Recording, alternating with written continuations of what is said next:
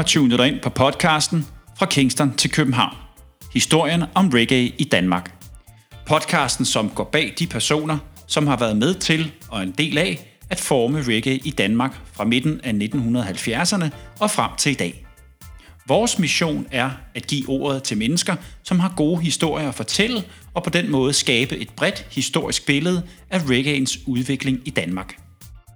Denne podcast kommer vi til at tale med musikere, sangere, DJ's, selectors, skribenter og journalister, som er og har været en del af dansk reggae-historie. Vi er Jørgen Husum og Lars Larsen. Velkommen til.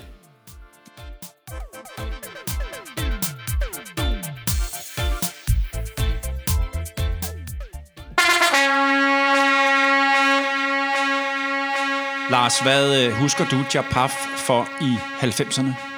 Jeg husker dem som en meget original band. Øh, en blanding af toast og sang. Alawi på sang og Chin på, på toast. Og med Anders i baggrunden som producer og, og til at mixe deres numre. Og øh, som sagt meget originale og øh, stort set de eneste, der repræsenterede genren dancehall i Danmark i 90'erne. Og så synes jeg, det var en meget, øh, meget sjov sammenligning de fik, eller en opfordring, de faktisk fik, inden de blev til Japaf, nemlig at lave en duo, som var lidt ala Chakademo Suppliers. Ja, de var jo pænt store der i 90'erne, Chakademo Suppliers, med kæmpe hit blandt andet med Murder, She Wrote. Og, så en god idé at gå den vej, og jeg synes også, at, øh, at øh, de rammer den meget godt altså i, i de år der, og så laver de jo et, som vi kan høre øh, eksempler på i, i vores interview, og, og det musik, vi spiller, hvor laver de rigtig gode melodier. Vi skal jo høre om hele Japafs øh, historie, og det var jo imponerende at se, at øh, Tammy havde taget øh, øh, hele kataloget med, så at sige, fordi han har simpelthen beholdt alt, hvad de har lavet og fået og trykket øh, i deres tid. Flyers, plakater, setlister, øh, øh tekster fra de sange, de har skrevet. Alt er øh, sirligt sat ind i, øh, i mapper.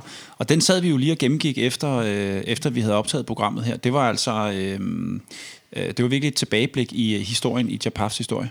Ja, vi lægger selvfølgelig billedet op på Instagram og tager billeder af mapperne der. Og meget, meget grundigt og meget gennemført. Øh, ja. Det er en, en stor fornøjelse at, at uh, præsentere for jer øh, uh, Japaf. Vi har uh, Anders og Tammy i studiet, uh, så vi håber, I vil uh, nyde programmet. Det kommer i hvert fald her. Det er med Japaf. Rigtig, rigtig god fornøjelse. Big up Massive and Crew. Her er det Jørgen Husum og Lars Larsen, der byder velkommen indenfor til det 14. afsnit af Fra Kingston til København. I dagens afsnit har vi besøg af to personer, der i den grad sad på dancehall og reggae-scenen i 90'erne, og som var blandt de første til at repræsentere den genre af reggae herhjemme. En er fra Afrika, en er fra Japan. Det bliver til sammen til Japaf.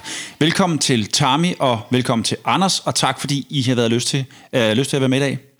Hop, hop, hop. Tusind tak. Tak. Øh, desværre er Lauri forhindret i at være med i dag, men øh, Tami, han var jo sammen med dig en af frontfigurerne i Japaf, og det skal så også siges, at Lauri er stadigvæk øh, aktiv og optrådte så sent som øh, i går aftes på Operan Christiania til Supermikes årlige Xmas Reggae Dancehall Anja Showcase. Så han er altså han er still around og aktiv. Men kan I ikke starte med at fortælle lidt om jer selv? Øh, Anders, du kan jo starte. Ja, det kan jeg godt. Jeg hedder Anders, og øh, jeg har arbejdet med musik siden slut 80'erne, og gør det stadig den dag i dag. Og har egentlig en øh, dyb baggrund i hiphop-miljøet, som jeg også stadigvæk arbejder med. Men da jeg så mødte Tammy og Alawi og sådan nogle ting, så begyndte der at ske nogle ting med, øh, med mit forhold til reggae også. Øh, og dancehall og sådan nogle ting. Så det, det, det startede op der i start 90'erne, hvor jeg allerede lavede musik med Tammy i andre sammenhæng. Og Tammy? Ja, vi fik vi smittet dig godt og grundigt. Det må man sige. jeg hedder Tammy, og nogen kender mig som Chin, og nogen vil også kende mig som Part B. Øhm, jeg har også lavet reggae-musik, og jeg startede i, med, med, i en hip-hop-baggrund, ligesom Anders gjorde, og øh, det udviklede sig senere til, til reggae dancehall-actet Chapaf. Og, og hvordan, øh, hvordan starter jeres interesse for reggae? Hvor opdager I det henne første gang? Jamen, øh, det er flere etaper, jeg sad og tænkte over det i dag her. Jeg tror, mit første... Jeg er hippiebarn, jeg kommer ud af en hippiefamilie. Og jeg er vokset op med verdensmusik, og øh, altså flamenco og jazz, og øh, har vi det ene og det andet. Men jeg kan huske noget meget specifikt. som jeg kom i tanke om i dag, det var, at jeg var på ølejr, selvfølgelig. Fordi jeg var hippiebarn et eller andet sted i slut 70'erne.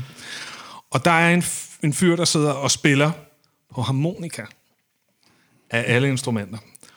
Og jeg, jeg har en eller anden connection med ham her. Jeg kan mærke, at der er et eller andet. Og han spiller noget musik, som jeg ikke øh, kender. Og, øh, men det er noget, der, der, der fanger mig på en eller anden måde. Og det viser sig, at det er noget Linton Kwesi Johnson, som han sidder og spiller På harmonika. på harmonika. Ej, det er hippie, ikke? Det lyder syret. Det er, vi snakker øh, linsebøffer, og øh, altså den stil der, og så på harmonika. Så snakker man remix. Ja. I den grad. Og jeg aner ikke, hvad det er, og han, jamen, han synger muligvis, jeg kan ikke huske det, eller hvad det er, han gør, men han spiller i hvert fald, og den der melodi bed sig fast, og jeg kan huske, jeg gik og sang og sang og sang og sang. Øhm, det er det første møde med, hvad jeg så senere finder ud af, faktisk er noget reggae. Ikke? Det anede jeg ikke dengang. Og så har der været, altså Bob Marley har ligesom ligget som en, selvfølgelig, fyldt på et eller andet niveau. Jeg tror ikke, det var noget, vi hørte derhjemme. Vi havde muligvis nogle plader, men jeg tror ikke, det var noget, vi hørte så meget. Senere, så i hele, hvor jeg er meget inspireret, eller arbejder med hiphop, og er meget inde i hiphop-miljøet, der begynder at ske der i midt 80'erne, slut 80'erne i hiphop-ting, der begynder de her dancehall-ting og reggae-ting at smelte lidt sammen. Merge. Øhm, og der kommer også nogle folk ud fra England, blandt andet Shinehead, som øh, han har den der Unity-plade med øh, Chain Gang og, og, og forskellige numre på. Det hører jeg virkelig, virkelig meget. Det er sådan noget, det, det bed sig rigtig meget fast i mig. Jeg tror, det var den første sådan den anden dancehall side ting. var BDP også. Jamen præcis, der var mange af de der, der var... reggae ind i det. Bo, Præcis. Bo, bo, ka, Just. Eyes og alle de der ting. Lavet. Også Just Eyes, ja. Præcis, men noget, der var sådan, altså, hvad skal vi sige, mere strictly dancehall, der var det i hvert fald for mig Shinehead, den mm. der Shinehead-plade. Den bed sig meget fast. Don't give it up in a one, don't give it up in a one, no crack, crack. Præcis. Ja. Og så derfra, så kørte det så ellers derud. Og, og Tammy, du, øh, du opdagede jo også reggae i sådan relativt tidlig alder. Ja, men det er samme historie. Det er også hippiebarn. Og, Ja, via, via hiphoppen øh, ved det jeg, du kommer meget. Langt før, altså allerede som barns ben. Igen, jeg voksede op i en hippiefamilie, ligesom Anders sagde, og mine forældre hørte overvejende blues, jazz, gospel, folk og reggae. Og det var ligesom Bob Marley, du ved, det, det var Bob Marley, Peter Toys, Peter Toys, Ask What Mighty Diamonds. Det, det er sædvanligt for den, den æra der, ikke? Og det var de plader, jeg bedst kunne lide af mine forældres plader. Det var dem, jeg altid skulle ned og hugge op og sætte på min egen pladespiller. Og min interesse for hiphop opstår egentlig uafhængig af det, men jeg kan bare godt lide reggae samtidig, men så kommer de her ting med BDP og med Just Eyes og Shinehead, og hvor man merger, og før det, der lavede Run DMC de der Roots Rap Reggae med ja, Yellowman, ja. og hvem er det Fat Boys har med på deres andet album, eller er det tredje? Det er også en, en, en af de dancehall-artist. der, øh, klassiske- Det, det er en af ja. de klassiske lige efter Yellowman-agtigt. Ja, ja. Det er, jeg kan ikke huske, hvem det er. De der tracks, det var bare... For mig, jeg elsker hiphop, jeg elsker reggae. Wow, her har vi reggae og hiphop i Ja, et. præcis. Hold kæft, hvor er det fedt, det her. Der var også en fyr fra England, der lavede noget, en blanding. Long CD, tror jeg, han hed. Ja, præcis. Ja, det er Asher. D and Daddy Freddy. Altså, Dear Daddy Freddy, og så var der, øh, hvad- den, der var en mere, hvad hedder han, øh, Merlin MC, og Ja, der var sådan ja. nogle forskellige, der, der, de der englænder var meget længere fremme på det der, end amerikanerne var i virkeligheden. Kæft, Asher D and Daddy Freddy var Ja, det de var der fedt. tre første Det var singler, de fedt. spillede ud, og Ja. de blev kæmpe store, altså i hiphop-miljøet og i Ja. dancehall-miljøet på en Ja. gang, ikke? Jo. Jeg kan huske, Danny Freddy, han havde på et tidspunkt verdensrekorden i at kunne sige flest ord på et minut, eller sådan et eller andet. Ja, det passer meget godt. Ja. super hurtigt. Og det er jo faktisk alt det der double time rapping, det bliver taget op af sådan nogle MC'er som MC Young og Heavy D og sådan nogle. Ja. Og det er jo direkte smittet af for dancehall, fordi Junior Reed gør det jo allerede i 86 på Brutal-albummet, hvor han laver utrolig hurtige lyrics, der ligger, hvor det er double time hele vejen igennem, ikke? Øh, Heavy D, har han ikke lavet noget sammen med Supercat på et Det har han også. de. han er Ja, også halvt amerikaner. Ja, jo, så- præcis. Mm. Og det var også på hele den der hip-hop reggae merch-bølge der. Ja, Ja, det de, var der de ret lavede mange af, ting ja. sammen. Ja. Men, men der har jeg ligesom, du ved, den moderne reggae lige pludselig, og roots reggae'en. Og der finder jeg ud af, at nede på Lønby Bibliotek, for mine forældre låner også tit musik dernede, der sidder der en gammel dame, og hun opdager, at jeg har Rick, kan du godt lide reggae-musik, spørger så unge mand. Ja, det kunne jeg godt. Ved du hvad, da jeg var ung, kunne jeg danse et par strømper i stykker til reggae-musik sammen med min mand. Kender du din Tom Quincy Johnson? Tag den her, og Mighty Diamonds, og, og Burning Spear, og så gik jeg hjem med 12 plader, og når jeg kørte, du ved, jeg lavede min egen mixtapes dengang, som de fleste gjorde, når jeg så kørte de numre over, jeg synes var fedest på min roots, så var jeg ned og afleverede pladerne og låne en ny stak. Og hver gang hun så mig, så blev jeg fodret med, jeg ved ikke hvad, altså. Det var super fedt. Al- Altså, jeg vil sige, at, at de gæster, vi har haft efterhånden, Lars, der skylder vi øh, bibliotekerne en stor tak, må man fordi sige. det, de, de har virkelig været besøgt Ja, ofte altså- og, altså- og været kilden til Åh. at kunne udbrede sin sin, sin kendskab til reggae. Og hun har også en viden om det, også hende der, der, der har, der guidet dig. Jamen, det var, jo tilfælde, det var bare mit ja, held, at hun ja, tilfældigvis var gammel reggae-fan, Ja, ikke? Altså. ja. Men, men det, det, der slog mig, det var, hvor opdateret et bibliotek, så Olympisk Stadsbibliotek var, for de fik sgu også det nye hjem, opdagede jeg jo. Meget af det lidt senere, end, jeg var jo hurtigt ude, så var jeg inde på Ingehaveplads, før I lukkede derinde og købte ja, lidt ja. i starten. Hyde Parks Corner og øh, Street Dance selvfølgelig kunne man få en del reggae og dancehall i, og s- mellemfolkelig samvirke. Ja, Yes, havde jeg det er rigtigt. Der var jeg inde, og der sad Ja. sådan en hyggelig gammel gut, han skulle altid kommentere mm. på, hvad man købte. Nå, hvad skal du have? Øh, Nå, ninja-mand med bojaka, bojaka. Ja, ja, okay, mand. Du. Det, det har nok Super været, det har højst sandsynligt været Per Emborg. Det var det også, det jeg har Ja. glemt, hvad han hed. Det er Ja. rigtigt. Gamle nisse. Ja, han, han, Men han var øh, virkelig flink og behjælpelig, når man ledte ja. efter. Altså, han kunne godt gå ind og finde ninja-mand med bojaka, bojaka til en på ja. hylden og så videre. Ja. Ikke? Altså, Han, øh, han, han, er, han er sgu en. Han ved noget om det. Det, øh, det må man sige. Hvor, øh, hvor møder I to hinanden første gang? Det gør vi faktisk i Klub 47 på Amager. Øhm, vi havde hver vores hiphop band på det tidspunkt. mødte vi ikke hinanden til et jam på Fælleparken først, der førte til, kan at I kom være. ind på Klub 47, hvor vi øvede i forvejen.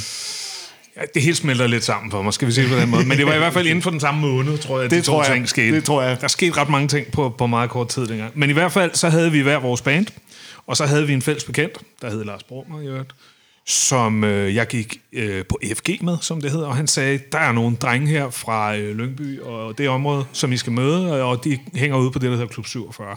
Og så tog mig og min marker derud, og så mødte vi dem. Og så klikkede vi ret hurtigt sammen, fordi vi lavede noget musik, der mindede meget om hinanden.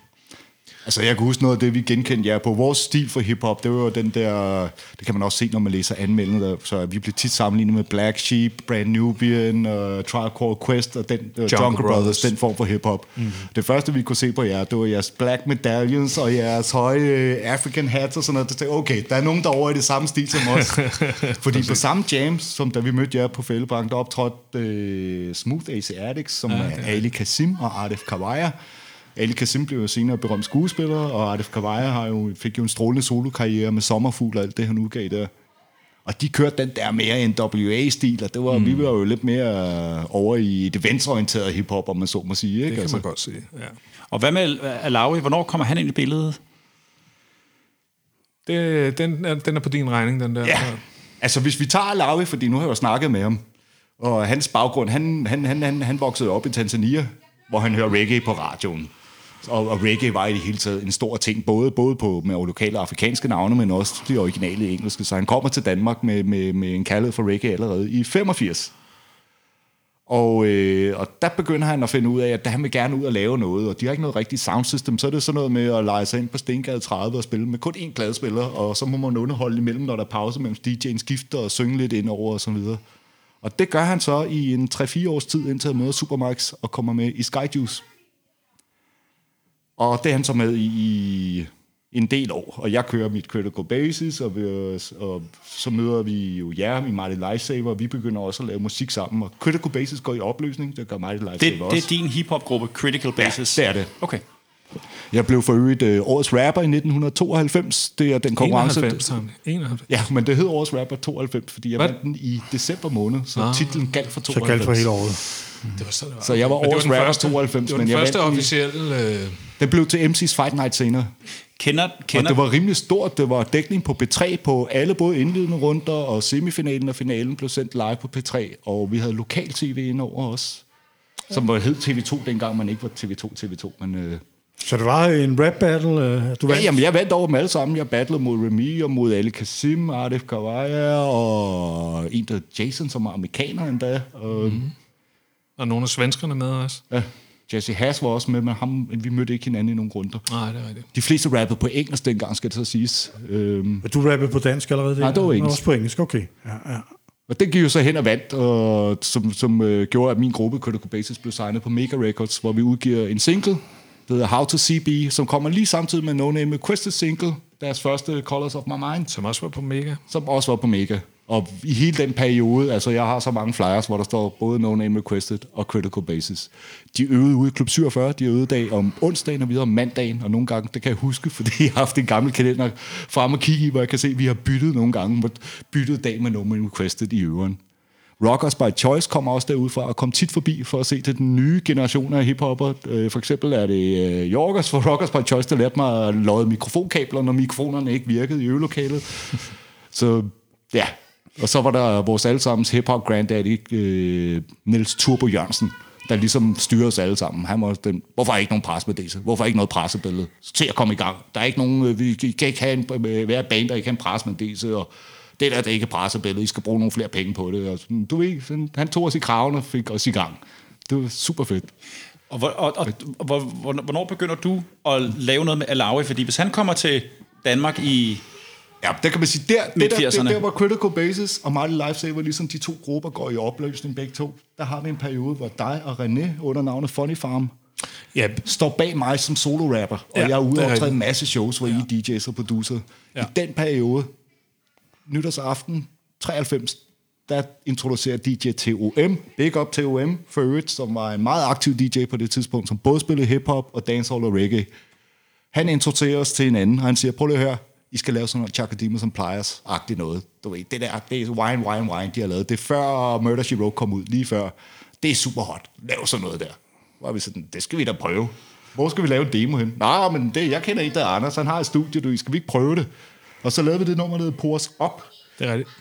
Som Men det vil var sige, altså du mødte, du mødte Alawi, hvad, nytårsaften, hvad, 92, 93? 93. Jamen hvad, altså fra 92 til 93? Ja, ja, det vil sige, at vi går i gang i 94 med at indspille demoer og så videre. 94, er det, er det ikke været 93? Okay, så det var fra 93 til 94, eller fra 92 til 93? Jeg bliver faktisk i tvivl.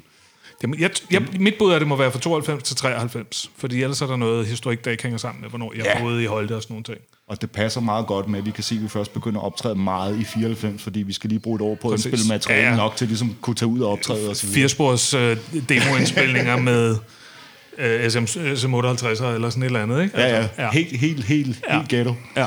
Så det, så det vil sige, I bliver øh, opfordret til at lave noget sammen. Ja. Øh, og så finder I øh, Anders, til, som har studiet, og sådan den tekniske know-how i det. Og så skal I lave en, en gruppe, altså en duo, som er lidt hen af Chakademo Suppliers. Ja, en, der simpelthen. er rapper, og en, der synger. Ja. Okay. Lige præcis. Okay, og så kører den, og så kalder jeg selv for Japaf, en sammentrækning af Japan og Afrika. Ja, simpelthen. Simpelthen, okay. Og, og hvordan, øh, hvad, hvad gør I så derfrem? Altså, tager I ud og optræder med det samme, eller går I i øvelokalet, øver en masse, eller Først indspiller indspiller I? vi Eller? nogle demoer. Vi laver nogle øh, spade forsøg på at indspille noget, altså under de primitive forhold, som det jo var. Netop firespors og altså pladespiller, sampler og trommemaskine og, og en firespors båndoptager. Det var sådan basically det, vi havde at gå ud fra. Og så lyttede vi, øh, jeg specielt lyttede til, hvad der var instrumentaler, der var hotte på det tidspunkt, og så lavede vi noget, der lød lidt lige sådan. Og hvordan at bruge de samme laver- basslyde og- Ja, præcis. Hvordan er det, hi-haten i virkeligheden ligger, og hvad, hvad fanden er det, de gør, og hvad er det der one-drop, og alt sådan noget. Altså prøvede den ligesom at analysere os frem til, hvad fanden er det for noget af det her, mm. ikke? Og så byggede vi nogle ting, som faktisk, når jeg har hørt dem efter, faktisk lyder sådan rimelig hederligt. Øh, altså sådan Når man tænker på tiden, lyder det faktisk Ja, ja, som præcis. alt det andet. Det lyder Ja, som det præcis. skal lyde i den Ja. tid. Det er de rigtige lyde. Og... Det er det. Ja. Hvem lytter I til på det tidspunkt? Hvem er I inspireret af? Jamen, Det er jo hele den der bølge af alt det, der kommer der, ikke? Altså mm. Shabba Ranks og ja. Cutty Ranks og alle de store dancehall-navne, der blev signet på de store internationale labels. Vi kan jo se, de har succes med det. Ja. Så, så, så det, ligger, det ligger meget i tiden, den der merged lyd af hiphop og dancehall og reggae, ikke? Jo, præcis. Ja. Hvor man tit ikke kan kende forskel på, at det her må en hiphop-produktion eller en Ja, dancehall-produktion, præcis. fordi det Ja. begynder at blive så gråzonet. Og det var også vores baggrund. Altså, det var jo breakbeats og sampling og sådan noget, som vi ligesom tog udgangspunkt i tit, og så byggede et eller andet op omkring det, ikke? Men jeg synes, det sjove ved Japaf, det var, at vi jo i højere grad lige pludselig skulle til at spille tingene selv. Ja, helt klart. Og ja. der blev vi jo udfordret i starten, ikke? Altså, hvor vi Absolut. bare prøvede os frem, og så Ja. lige pludselig... Altså, kan du huske, hvor vi kæmpede med den bas og få den der digi-bas, hvor man Ja. ikke kan høre anslaget? Mm. Vi fandt ud af, at det var en sinus Ja, men- som vi ja. fik til helt vildt ned. eller Ja, sådan noget. præcis, og så fjerner anslaget og sådan nogle forskellige ting, så du kan få sådan Og en... lige pludselig lød det kraftedeme, ja. som det gjorde på alle pladerne. Ja. Ah, we got it, man. Ja. Det var sådan... Uhu. Ja. Hvor optræder I så henne i, i de tidlige år? Jamen, det der er, det er Sky... Alawi kommer med Skyjuice i omkring 91. Og da jeg begynder at lave ting med, med Alawi, er jo noget af det første, vi gør, det er jo op og spille det for Supermikes. Han synes, det er super fedt. Så vi begynder, og der går ikke mere end et års tid, så bliver jeg også fast medlem af Skyjuice. Det vil sige, at vi spiller en masse Skyjuice dances, hvor det bare er plader, og vi DJ'er henover, og så begynder vi sideløbende at lave en masse ting med Japaf, hvor vi spiller vores egne rigtige tracks med vores egne produktioner. Laver I dem live også, når I er ude til de ja. der dances der? Altså det vil sige, Alawi synger, du Så vi får toaster, en helt masse live-erfaring af bare Så- at blive smidt på mikrofonen, og vi gør det bare så tit vi overhovedet kan komme til det Så, i så den jeres, periode. ikke? egen, øh, jeres egen rhythms med der, som I, som I øh, laver? Ja, nogle gange, og nogle gange smækker Michael Drenge jo bare noget på, og så sagde Chin, run! Nå, okay, så må man bare gå på, ja, ikke? Altså, ja, der er jo ikke ja. noget at gøre. Men du var jo også vant til fra din hiphop-dage at, at improvisere meget på, på en rhythm, for eksempel. Ja, helt sikkert. Helt sikkert. Øh, men I skulle jo fremstå som en, en duo. Altså, der skulle bygges, bygges noget musik op, og, og, ja. og, så der var plads til dig, og der var plads til Alawi. Ja. Det gør vi så over et par år, altså hvor vi ligesom byggede et lille katalog op af vores egen sange, og fik produceret mere og mere musik, som var vores eget, som ikke bare var Mm. instrumentaler fra et eller andet. Ikke? Og til sidst så havde vi vel en, hvad havde vi sådan noget, 5, 6, 7 numre, eller et eller andet, tror jeg, som... Ja, når vi øh, snakker 94 eller sådan noget. Ja, ja, præcis. Vi, vi arbejdede sådan rimelig intensivt en periode, sådan som jeg husker det, da det hele var nyt og frisk. Så var vi sådan meget, okay, nu, det, det, det, det, så lavede vi jo nærmest et nyt nummer. Eller et par numre om måneden, eller sådan et eller andet, sådan som Ja. jeg husker det, ikke? Og vi har faste studiedage og sådan noget, hvor vi Ja, bare ja, skulle præcis. lave ny musik og sådan i starten. Ja. Så det, vi fik ret hurtigt sådan bygget et, et lille katalog af numre op. Og så på et eller andet tidspunkt, så er det så, vi begynder at spille. Og Jeg kan, jeg, jeg kan ikke helt pinpointe, men det kan Tommy bedre end mig. Men altså, hvordan og hvorledes og hvornår, og hvornår jeg ligesom kommer med ud også. Men din rolle, det er, er det at være producer på det? Ja, både det og så DJ også, når vi er ude. Ja, altså, man kan sige, ud. vi, vi, tager, vi tager sådan en traditionel hip-hop setup, altså med en eller anden instrumental kørende fra en DAT, eller en minidisk, eller ja, det har nok været en DAT på det tidspunkt. Og så med mig, der scratchede lidt ind over og kørte nogle versions sammen. Og så, ja. altså, prøvede at lave det som sådan et hip-hop udgangspunkt, med sådan meget minimalistisk med en DJ og nogle frontfigurer, ikke? Mm. Som jo passer meget godt til den måde, de kører soundsystem-stil også på. Fuldstændig. Ikke? Altså, du kan Ja, stå det kommer for, det er jo derfra. bare, det er jo bare Ja. en anden type musik, du spiller, når det er soundsystem, ikke? Kan man Præcis. sige. Ja. Og i den periode var der igen så mange gråzoner, så du kunne næsten ikke se, at det er et at TUM, du ved, er han en dancehall reggae DJ eller en hip-hop DJ? Mm. Det var sådan en Ja, det gråzone. smeltede det, var, sammen, det var det hele. Ja, præcis. Øh, Hvem, hvem skrev jeres sange? Gjorde I begge to Det gjorde vi selv. Det Ja. gjorde vi selv. Og Begge to skrev sange? Øh, Ja, ja, altså jeg vil sige, uh, Alawi, han var melodismeden. Han kom med de fede melodier. Altså, jeg sad og hørte noget af, af, af jeres musik i går, og det er virkelig gode melodier, altså. Fedt. Det er meget ørefaldende, og meget radiovenligt, vil jeg sige. Altså, øh, virkelig fede melodier, vil jeg sige. Tak. Altså, vi havde også temmelig stor succes med det, i forhold til, at det var en tid, hvor, hvor medierne, altså, du kunne ikke engang bruge ordet reggae, så døde de af grin over det. Du skulle helst bare holde dig, selvom vi godt vidste, at reggae var fedt, ikke? Vi vidste bare, at de, de sådan etablerede medier, de synes reggae, det var noget mærkeligt Bob Marley, hippie noget, og Jamen, der har været stor modstand mod, nærmest mod lidt af det, reggae ikke, altså? dengang, desværre. Altså, i. Ja. Så jeg har jo virkelig kæmpet en, en hård kamp altså, for, at, for at komme igennem. Ikke? Altså, så bruger vi jo ordet dancehall i stedet for. Nogle af de her gamle booking ja. de hørte bare ordet dance, så tænkte jeg, okay, det er noget med nogle unge mennesker. Fedt.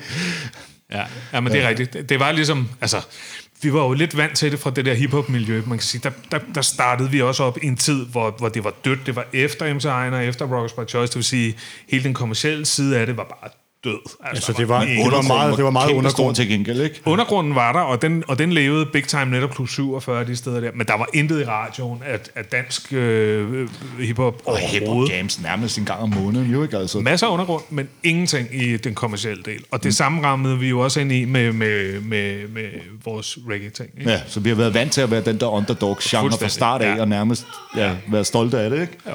Øh, nåede at blive, at, at, at blive spillet på de, i de kommercielle radioer? Fordi som jeg lige sagde før, det er enormt øh, i ørefaldende jeres numre og, og gode melodier. Og, Vi fik lidt airplay med How Could I Ja, Love You, som ja. vi udgav i 96. Ja. Vi blev signet på et lille pladeskab øh, i 95-96. Ja. Og øh, udgav en single der. Og den fik lidt airplay. jeg fik lidt airplay, også på P3 og sådan. Øh, Nej, de største P3. supersamler, ikke, at de det, det, det, det, der, den fik, det var på nogle lokale radiostationer, og de var til gengæld rigtig, rigtig vilde med dem, Ja, men det var ja. bare ikke nok til, det noget, der, der battede på landsplan. Nej, nej. Øh, den, den periode, øh, Japaf var aktiv, det var jo i 90'erne, stort set hele 90'erne.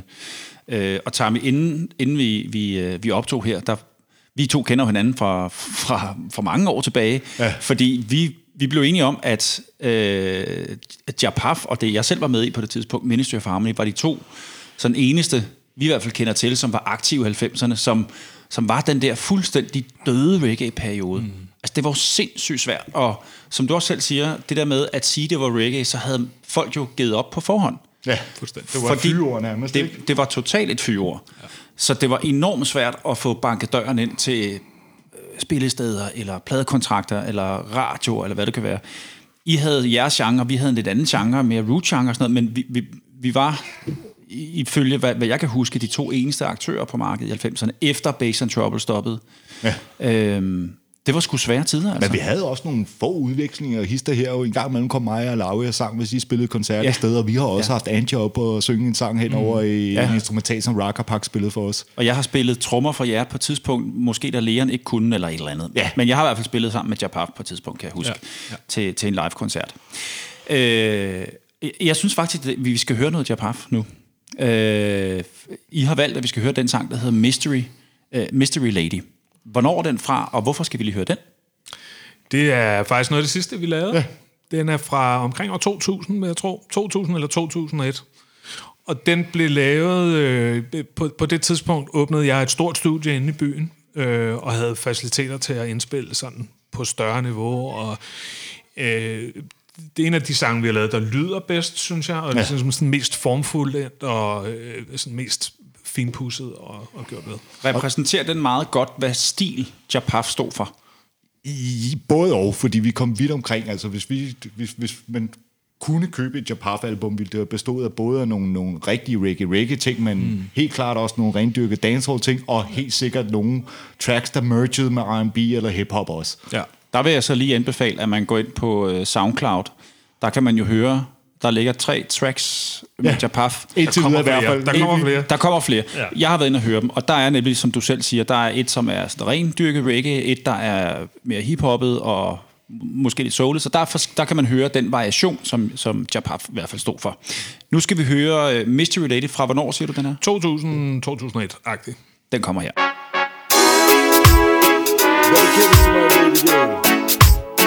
Number one number one.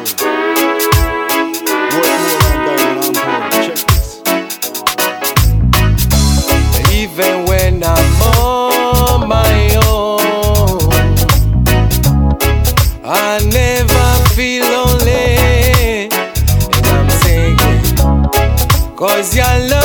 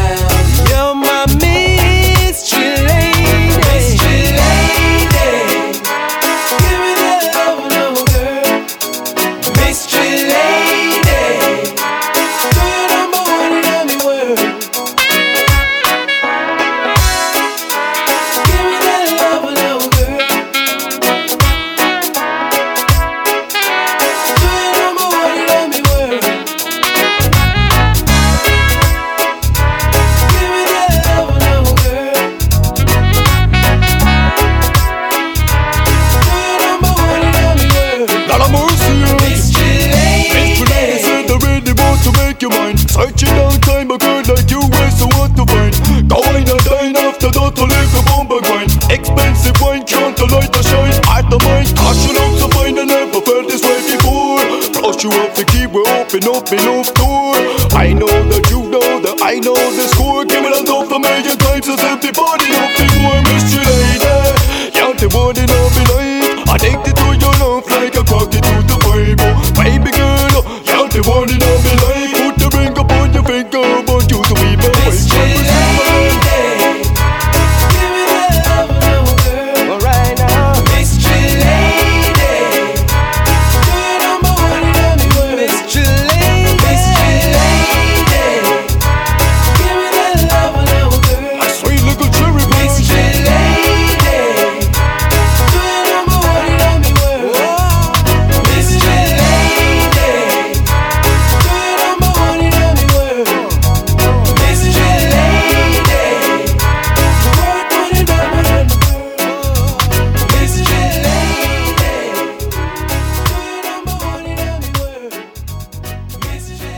det altså Japaf med Mystery Lady, vi fik, og et super, super fedt nummer. Det må have været et af jeres øh, sådan mere reggae-orienterede numre, tænker jeg. Ja, Ja.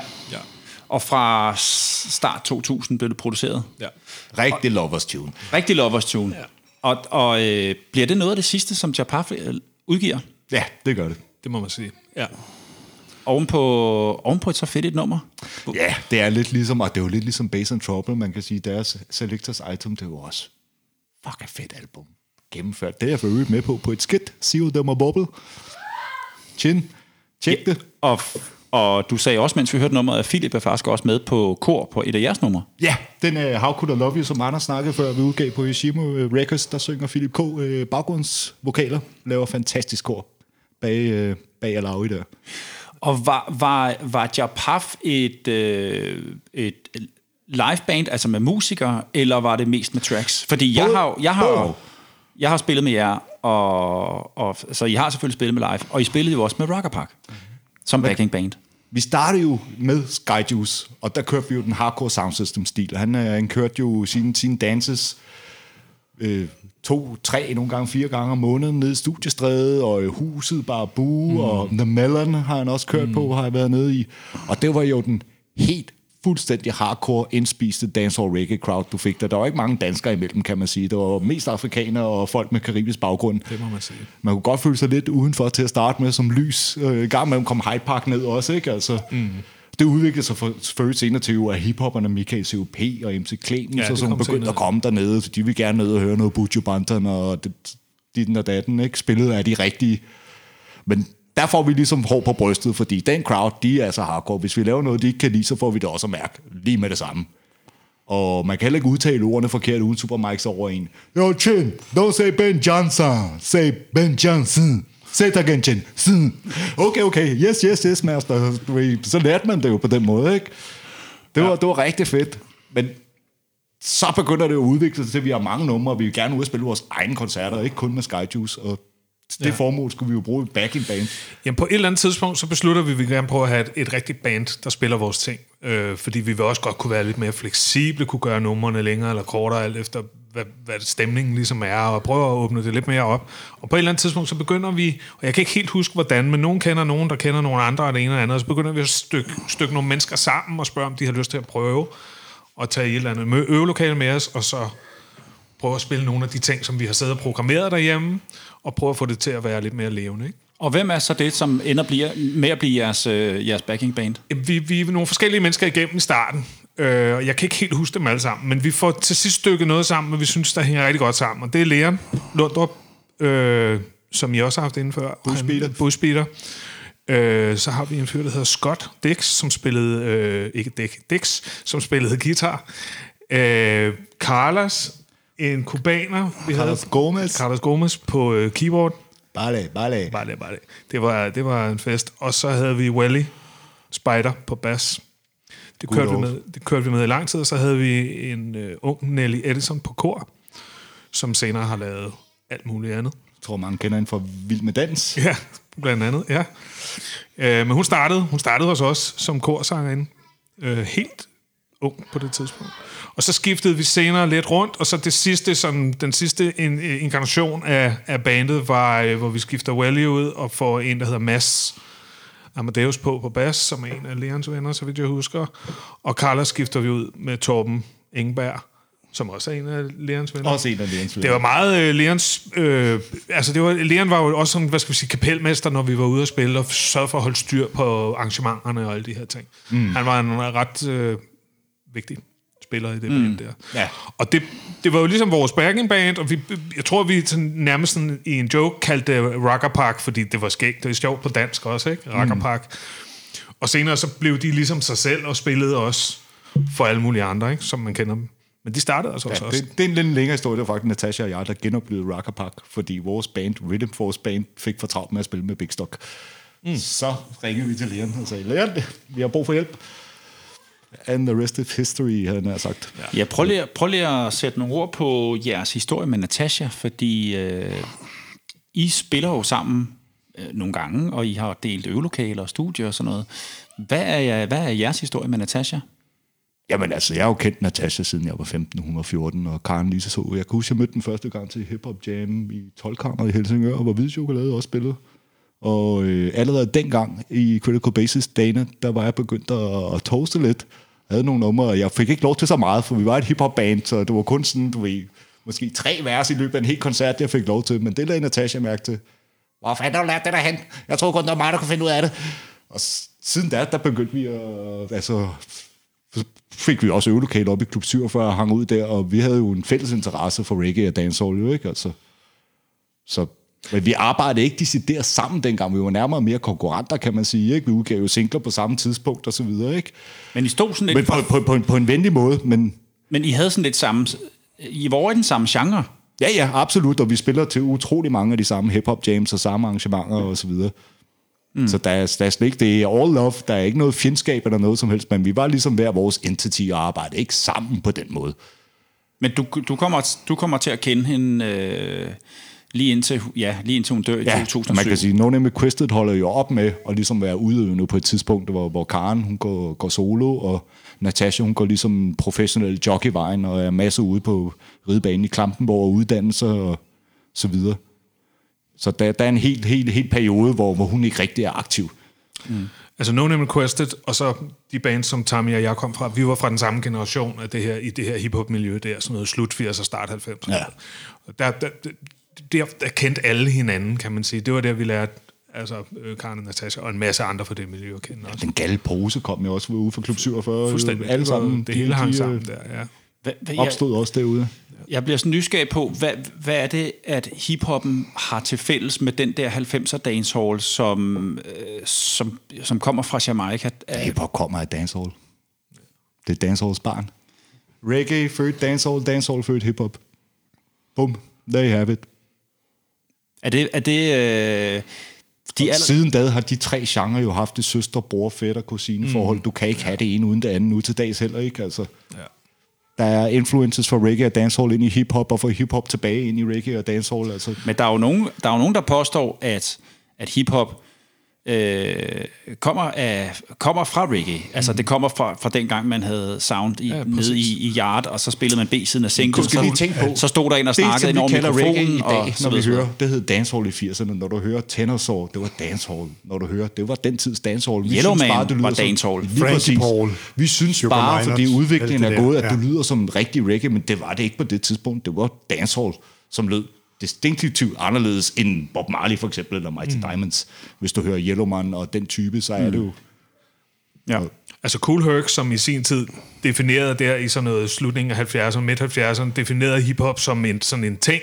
Han var fra Jamaica, altså. Og det var hans fars soundsystem, han slæbte ud. Præcis. Og han havde, du ved, ved at kigge på sin far, hvordan han gjorde, så gjorde han det samme, bare med soul og R&B-plader i stedet for. Præcis. Jeg kan godt huske mange af de der øh, LP'er, som kom ud i midt-90'erne, som, som krydsede de to genrer. Øh, og, og, hip-hop, dancehall hed de vel alle sammen vold, et eller andet, og så var der sådan noget graffiti på, Mm. Ja, ja, på præcis. coveret. Ikke? Ja. Altså, jeg, det var helt nyt for mig, og, og, og jeg kom over fra, fra sådan den mere roots-genren af, af, af reggae, så det var sådan helt nyt mindblown for mig på det tidspunkt. Kan jeg Jamen, altså, så basically går dancehall ud på at chat på en mikrofon helt over en instrumental, som er en dancehall instrumental. Og hiphop, det går ud over at chat hen over et beat, som er et soul R&B beat, og så bliver det til hiphop. Ja. Det er jo samme teknik, præcis de Det det samme man ting, man gør. Det- Det, det, det er bare en det sproglig, det der. sproglig Ja. forskel, kan man sige. Øh, lige for at vende tilbage til, til det med, at I optrådte både med liveband, og I optrådte med, med tracks. Hvad er... Øh, hvad er det, man får med et liveband, som man ikke gør med et trackshow, og hvad er det, man får med et trackshow, man ikke kan man, omvendt med et liveband? Jamen, altså med et trackshow, kan man sige, der, der kan man rykke ud tre mand høj med et par plader og en datbånd, og så kan man spille hvor som helst. Det kræver ikke ret meget setup.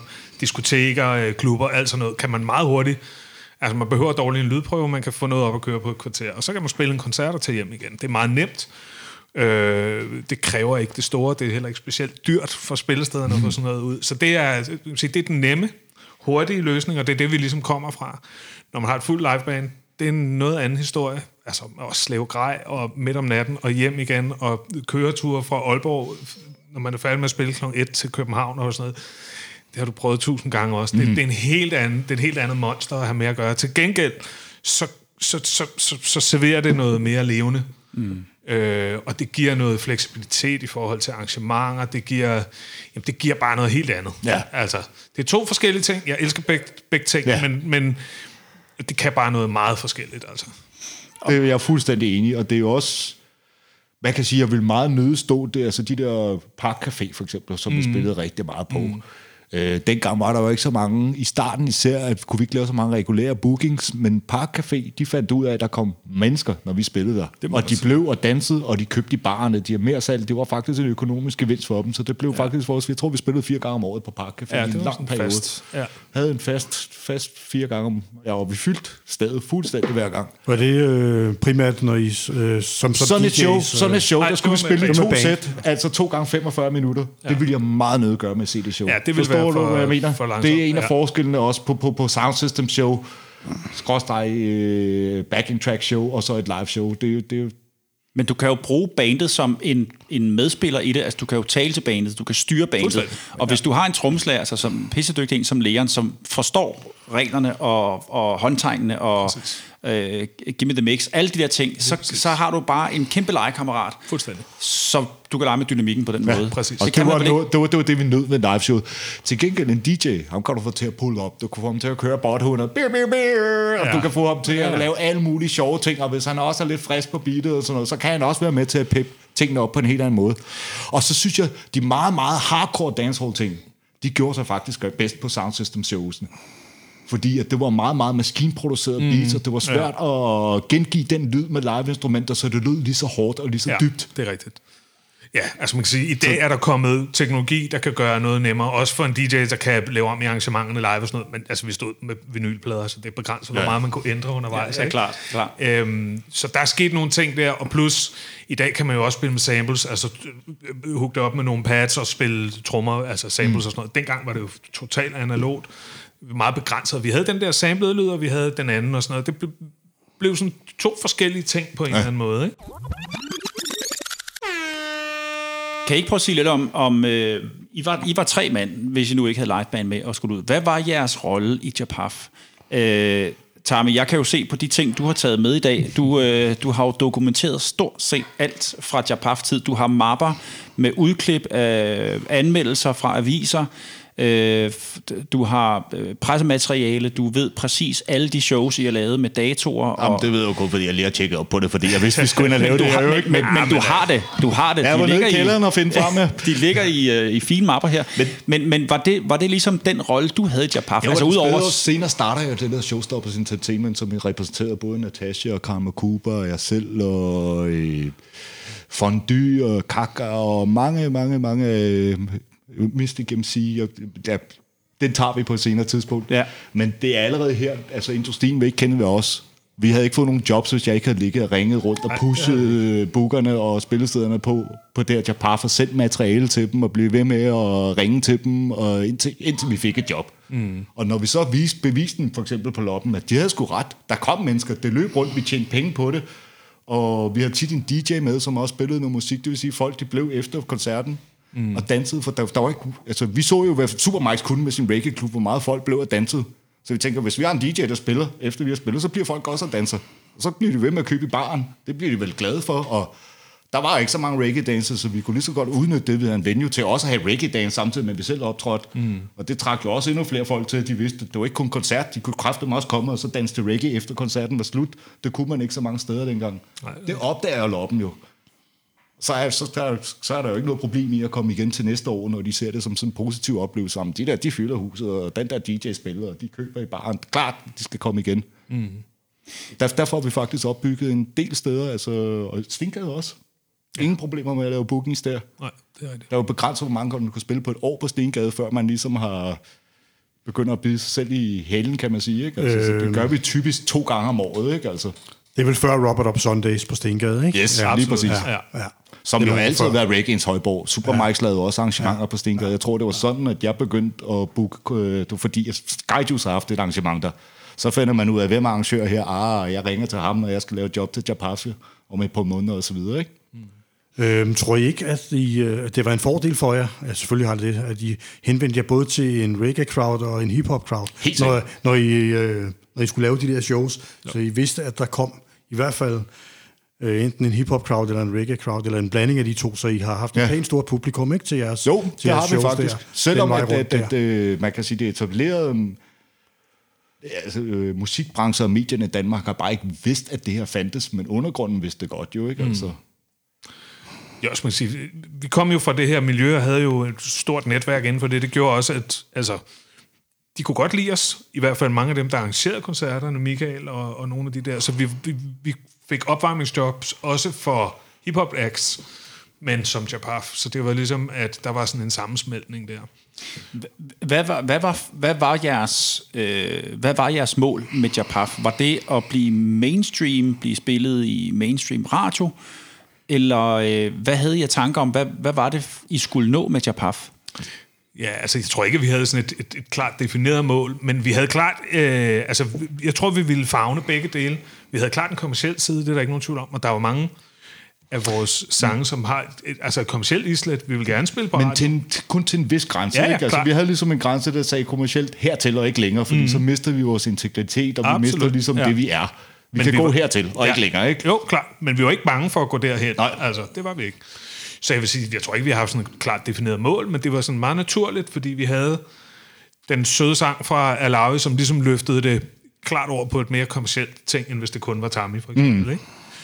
Så vi ville gerne gå bredt, men altså, man kan sige, at Det var ikke sådan, at vi gik og drømte om at blive boyband. Vi ville gerne være store inde, men stadig beholde vores, med vores integritet i behold, præcis. ikke? Altså. Helt Og, og den integritet, den skulle holdes inden for reggae, dancehall, hip-hop genre. Ja.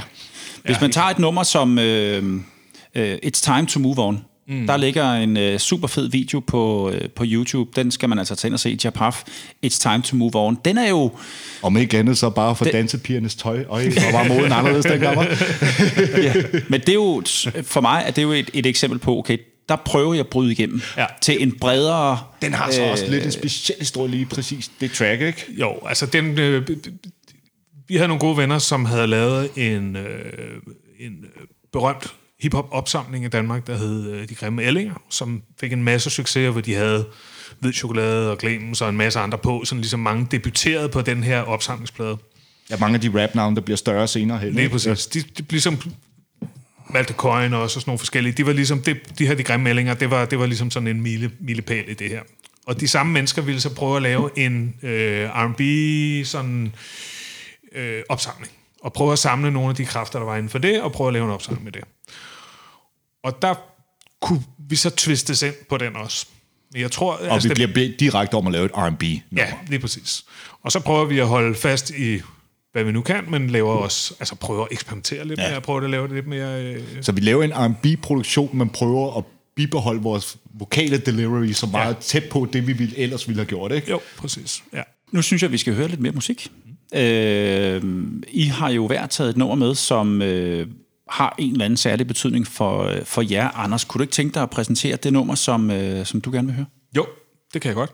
Jeg har valgt Bujo, og valgt et nummer, der hedder Murderer, og det er fra den plade, der hedder Tell Shiloh, som... Øh, jeg har hørt den plade fuldstændig vanvittigt. Den rammer et eller andet hos mig, fordi den har både de rootsy ting og sådan meget conscious og Afrika-tingene, og så samtidig også ekstrem hardcore. Og så, altså hans stemme er jo også bare, det er jo helt sindssygt. Så hele den plade, det var svært ligesom at vælge et nummer ud, men jeg synes, det var det, der var sådan mest repræsentativt for, for det, jeg føler for den plade der. Det synes jeg, vi skal høre her. Øh, altid fede Pujo med Murderer. So, I seen them lying there wait. Standing at the gate. Yeah, I want my hand and I sing. You sing now. Lord. Murderer, blood is on your shoulder. Kill I today, you cannot kill I tomorrow. Murder, your inside must say hello.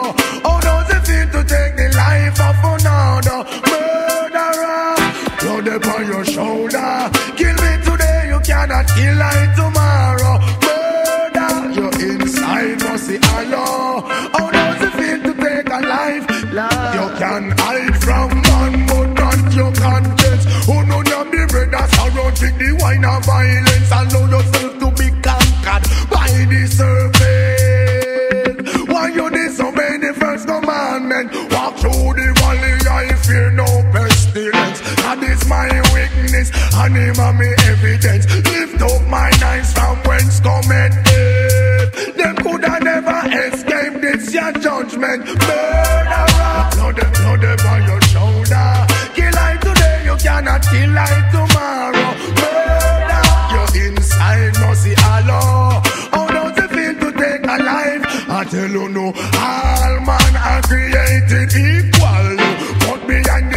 It's a different sequel. Some are murder people, just it and let me not stop coming dirty acts. For the eye official, you coulda wash your head till you can't wash no more. It is like an epidemic and you can't find a cure. Upper class, you coulda rich, middle class, whether you're poor. Only the righteous won't feel insecure. You ever think about your skull getting bored? Murderer, blood upon your shoulder. Kill I today, you cannot tomorrow. Murder, your inside must see hello. How does it feel to take a life? Stop talking sulfur bitters, no bitter like your head. Only God can help you. No family, no friend, no let the curse be upon your children. Children, bend the ghost and round me. Daniel in the den, Jonah in the whale belly, but he never condemn. Job with the leprosy, but still reach heaven. He will do you down for them. Murderer, blood upon your shoulder. Kill I today, you cannot kill I tomorrow. Murder, your inside must say hello. How does it feel to take a life? What's more, you hide from man, but not your conscience. Oh no, you're the brothers are rotting the wine of violence. Allow yourself to be conquered by the serpent.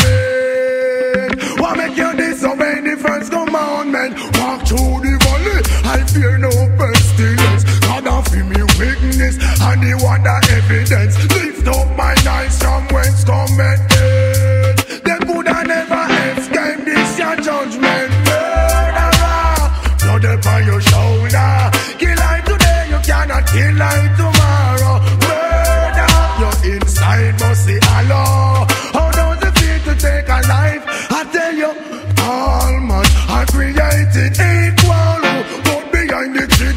a different sequel. Some are murder people. Just sit and let me not stop coming dirty acts. For the eye official, you coulda wash your head. Them say you can't push no more. Det var Bujo med nummeret Murderer fra albumet til Shiloh fra 1995. Som du sagde, Anders, et fantastisk album. Mm. Øhm, jeg vil gerne lige vende lidt tilbage med, til jeres historie med, med Skyjuice, øhm, og den betydning, de har haft både for jeres karriere, og så har jeg set i det skriv, du, du lavede til os, Sami, at øh, I var flere gange i Odense og spille sammen med Bujaka Sound, som jo også øh, nævner Skyjuice flere gange, og hvilken stor betydning Skyjuice havde for deres karriere, og det har de jo også haft for jeres karriere, kan man sige. Fortæl lidt om, om Skyjuice og den betydning, de har haft. Ja, first, first of all, big up, good old Bujaka i 5.000. Stor op, stor op, stor op. Hvad havde Danmark været uden jer? Der skulle jo være nogen, der ligesom holdt styr på, på Fyn derovre, ikke? Altså, Ja. Og det har, kan man sige, de har gjort i god stil. Og øh, jeg tror faktisk, det er i slutningen af 93, vi er over allerede at spille vores første gang sammen med dem på badestuen derovre, Ja. hvor du DJ og mig og Lauri synger. Ja. Og der er virkelig pagt, og der er næsten kun ligesom til Supermarkeds arrangementer, der er virkelig mange afrikanere. Mm, ja. Jeg kunne huske, at jeg blev amazed. Jeg tænkte, gud, de har jo nærmest en crowd, ligesom Supermarkeds i København. Hvad sker der lige uden til? Det var en kæmpe oplevelse for mig i hvert fald. Ja. Og jeg tænkte, okay, Fyn rykker altså også. Og det gør de her bujaka-drenge også, og de var jo virkelig, virkelig velberandrede. Altså, de kunne spille alt det nye. De var sådan ret nørdede, så vidt jeg husker, ikke? Jo. Altså, på den gode måde. Jo, øh, jeg kan huske, at vi var over og snakke med dem, der for et tidspunkt fortæller Henrik Vangaard øh, fra, fra Budaka, han havde øh, 12.000 singler. Han har Danmarks største singlesamling. ja. Det har han. Det er 100 Hvad var det, det hedder? Anders og Henrik, eller hvordan var det? Anders, Anders og Henrik. Henrik, ja. Anders, øh, ja. Vanguard og... Øh, øh, Øh, hvad var det, Anders kaldte sig så? Oh, det kan jeg ikke huske. undskyld, Anders, jeg kan ikke huske det. da ikke. Men gå ind og hør den uh, podcast, vi har lavet med dem. Der tror jeg, vi, vi uh, Men, siger det. Når det så er sagt, der er ikke nogen af os, der havde været der uden Supermike. Dr. Love Ham, der, han. der, Rigtigt, ja. Dr. Love. Dr. Love, der var Ja, ja, det, er det er faktisk til et hiphop arrangement, hvor Supermikes, han også er, at øh, jeg står og snakker med en af mine homeboys, fordi Supermikes har været op og sige noget på mikrofonen, hvor han snakkede om, jeg tror, han har fået lov til at komme op og rek- lave reklame Ja, for sin jeg også. eller Barbu-klub, Ja, ja, eller en af delene. Og så står jeg snakker med min homeboy om det ude på toilettet alle steder, mens vi skal hen, og Supermikes er så inde på toilettet og hører snak om det, så han sparker nærmest døren op. Yes, man, og Barbu og reggae music, you have to bla bla bla, gas flyers, I skal bare komme. Så tog vi jo det op, og så var jeg solgt, altså. Der var Supermarkeds op, han havde KKP med, han havde Lyrical The Miracle på, på, på mikrofonen, som muffede noget meget, meget hurtigt hen over et eller andet, og Shorty stod og, og, og mixede samtidig. Jeg tænkte bare, det der, det er for sejt. Hold kæft, hvor er det sejt. Og jeg havde jo hørt de her reggae-ting i forvejen, men det var første gang, jeg så nogen lave det i Danmark sådan rigtigt. Ding Dong Ivy var der også, og han var fandme dygtig dengang. Ding dong, ja. Jeg tror, han var den dygtigste af dem alle sammen på det tidspunkt. Jeg var fuldstændig blown away. Og så Ja, begyndte jeg det- bare at hænge rundt omkring det der, og jeg tror første gang, jeg kommer på mikrofonen i en reggae-sammenhæng, er det, hvor Hyde Park laver noget på, på, på Barbu, og jeg er mega nervøs. Men jeg kunne huske, der var færdig, sagde han, det der, det var for vildt. Kom lige op og spytte en til. Så tænkte jeg, yes, okay, så har jeg den der.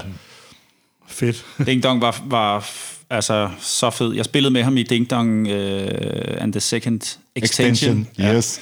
Sammen med Tormod og, og uh, Keith Mission. Ja. Han spillede faktisk uh, klaver på det tidspunkt.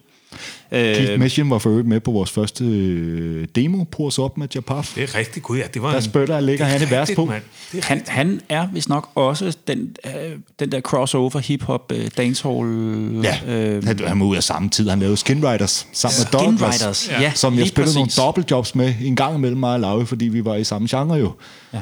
Sjovt. Første gang, jeg mødte Keith, det var også gennem Lars Brum og alle mennesker. Øh, og han var lige kommet frisk ind fra, jeg, jeg tror, han er fra London, han er i hvert fald fra England eller andet sted. Og kom op, der boede på Præstøgade på Østerbro, altså før jeg var flyttet hjemmefra, så jeg har kendt Keith, altså Det er mange år siden. nærmest længere tid, end jeg har kendt dig, faktisk. det er sygt nok. Det, det er vildt. Ja, Ja. ja. Øh, lige for at vende tilbage til det med Sky, du, du, du, øh, du sagde her, mens vi sad og hørte yep.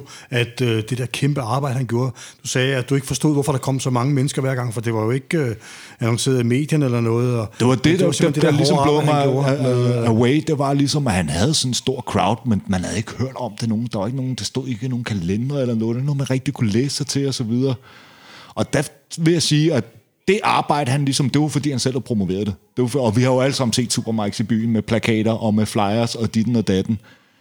Og det tror jeg har inspireret både os og Bujaka sådan til at sige, gud, man kan jo godt selv. Det kan mm. godt være, at medierne ikke gider skrive om os, men hvis man laver fede nok plakater, deler nok af dem ud og deler nok flyers ud, så skal der nok komme nogle mennesker. Man kan godt selv. Benarbejde. Og det ja. gjorde vi også. Vi trykte Japar-plakater og Japar-flyers. Selv og, ud at sætte plakater op også, og flyers og ja, stickers. Og, ja. Men det battede jo også, altså, så ville de have os igen på Park Café, de ville Ja, have os præcis. igen på Stengade, de ville have os igen på Loppen og så videre, ikke? Altså. Ja. Og det, det havde ikke, vi havde ikke trukket den crowd, uden at have lavet det benarbejde selv. Og det har vi lært af Supermikes. Ja. 100 procent. Absolut. Big respect til, til Super. Der er jo mange af vores lyttere, som har spurgt, hvorfor har I ikke Supermike med i programmet? Og det, øh, det arbejder vi selvfølgelig benhårdt på at få. Er Han er jo på Jamaica i øjeblikket. Nemlig. Så vi arbejder meget hårdt på at få et, øh, et telefoninterview med ham på et tidspunkt, hvor vi lige kan få tiden til at passe. Det var et godt har- juleafsnit. Ja, præcis. Men det har vi altså aftalt med ham, så, så det, vi skal bare lige have det effektueret. Så selvfølgelig kommer Supermike med. Han er jo en, en figur, der bliver nævnt stort set hver, øh, hver ja. udsendelse, vi laver, fordi han har været med i gamet så længe, og har haft en finger med i, øh, i spillet så mange gange. Så, øh, så selvfølgelig skal han med. Og vi har jo ikke, da, altså, vi har jo alle sammen været til, til, til koncert på koncert med internationale reggae-navne, som havde det ikke været for Supermikes, så havde de ikke spillet her. Lige præcis. Øhm, apropos øh, koncerter, så har I jo også varmet op for en masse store navne, både øh, reggae, R&B og hiphop navne. Øh, prøv at fortælle lidt om de navne, I har varmet op for. Og hvis hvordan vi det tager har det været. bagfra, om man så må sige, så vores sidste store opvarmning, det var for Black Uhuru i Storvika. Ja. Meget, meget stor oplevelse. ja. Det, det, det var fedt.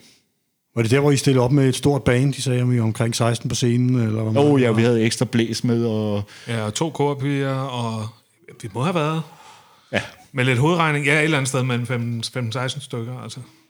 Det var et stort setup. og det var en fed koncert. Så meget kan jeg da huske. Og hvad var der mere? Der var, øh, jo, så varmede vi op i en grå hal for Dark FX, som havde Fujis med. Og på det tidspunkt havde Fujis kun udgivet deres første album, og var ikke så kendte endnu, som, som, som, som de blev senere på deres andet album. Men det var nu alligevel en stor oplevelse, fordi efter vi var færdige, der kom Fuji så jo også meget reggae-inspireret. Og de kom ned og gav mig og Lauri meget respekt. De var sådan, okay, hvor er det sygt, sagde de. Vi vidste slet ikke, der var reggae dancehall acts på de her brede grader. I gør det super fedt. Og der kigger vi ligesom på hinanden, mig og Lauri. Åh, oh, vi er fat i det rigtige her, ikke? Det var fedt. Er det fedt at få et big up for sådan nogle, som, som sikkert. senere bliver kæmpe store? Ja, altså, ja. Pras havde sin guitar med, han stod med den, mens han snakkede med os og så videre. Der. Det var fedt. Hvad havde vi ellers? Mary J. Blige var Yes, vi op for. Amager Det er Bio. altså også et kæmpe navn at varme op Kæmpe for. navn. Det er, det er nok, altså, hvad skal vi sige, sådan, kommercielt set det største navn, ja. Ja. der varmet op for. I Amagerbio, fuldstændig proppet Amagerbio. Det var også ret fedt. Og, lidt, og lidt et sats også fra arrangørerne, synes jeg ikke. Altså på den gode måde. Fordi vi jo, altså vi, vi lugtede lidt af det samme, øh, men langt fra. Man kunne sagtens have valgt nogen, der var mere i hendes R&B, ånd, R&B, ja. hip-hop ting, som hun lavede, men det var, sgu, det var fedt. Det var en stor oplevelse. Ja. Det, det må også have været et stort skulderklap og for jer og anerkendelse at skulle varme op for sådan et stort navn. Helt vildt. Ja. Og der bliver faktisk også skrevet om os flere gange i Gaffer og så videre, at vi er Danmarks førende reggae dancehall navn, og det er en genre, der er på vej frem, og mm. man skal holde øje med os og så videre. Ikke? Men ja, det er sgu stadig for spædt på det tidspunkt, og så er det jo også på engelsk, vi gør det jo samtidig. Ikke? Ja. I varmer også for Jungle Brothers. Stort, kæmpe, kæmpe ja. stort hiphop-navn. Jeg kan se på datoerne, det er nærmest det er i samme måned, vi varmer op for både Mary J. Blige og John Bros. Det er sgu meget cool. Hvor har du den henne? Det har været en god måned. Ja, det var en god måned, det der. Og det var altså sådan noget sidste øjeblik med den der John Bros., så vidt jeg husker. Øh, sådan noget, nærmest de ringer dagen inden, kan I ikke lige... Og det kunne vi Ja, så vi godt. står på plakaten og på flyeren i hvert fald, og Ja, ja, de bliver ja. ja. typisk trygt i en måned til halvanden før. Ikke? Så, Det er godt. Der var bare et eller andet, der gik meget hurtigt, kan ja. jeg huske. Der. Så, så hvad, hvad, hvad gør I der? At vælger I at stille op med, med liveband der, eller, eller er det med trackshow? det med track show. Det er track show, ja. Var det også med Mary J. Blige? Var det også track Det show? var også track show, ja. Så spillede vi også til Pool Jam to år i træk, Ja, som det eneste reggae-act. ja. Alle de andre hip-hop acts med Mac DeCoin, meget, meget ung Mac DeCoin og Karate-klanen og derude af. Ja, det var det her sådan årlige hiphop arrangement, som Michael C.O.P. lavede og hvert, hvert år, sådan en anden juledag, tror jeg det var. Ja, der ligger inde på YouTube, der ligger faktisk øh, et, øh, man kan se sådan en gammeldags VHS-klip Ja, præcis. med, øh, jeg tror der er en, en 20-30 minutter øh, fra, fra Poole Jam i 96, hvor I også optræder. Mm. Der, er, der er der, ja. Var Så det, kun øh, danske hiphop-navne, der optrådte på det der Pool Ja, Jam? ja, det var det. Det var sådan den årlige event. For, Hvor, hvor for Danmarks hip-hop-miljø hiphop, ligesom ja. ja. Ja, ja det var sådan øh, det fejrede største. sig selv, ikke? Ja. Jo, det må man sige, ja. Det, var, det lå klassisk der anden juledag, så vidste man godt, hvad man skulle lave den der. Ja. Jeg kunne godt tænke mig at høre lidt om, hvad, øh, hvad Japaf har udgivet øh, af, øh, af albums eller EP'er eller singler. Ikke ret meget, desværre. Sjovt nok. Ja. Det blev til den ene udgivelse på, på Hiroshima Records med How Could I Love You. 96, ja. Og så får vi det her nummer Mystery Lady på en compilation CD, som World Music Danmark udgiver, som de sender rundt i hele verden, og der får vi faktisk en hel masse respons på den, som Ja, hvad er vi det- ikke hvad- rigtig hvad er når det at for et følge op nummer, på, I har? fordi vi går i opløsning. ja.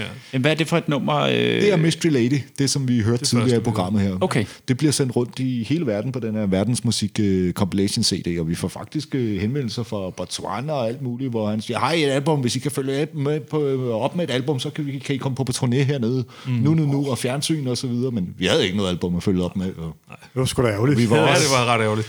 Vi var også on the verge til at gå fra hinanden på det tidspunkt og så videre, så det var sådan, ja, too little, too late, ikke? Ja.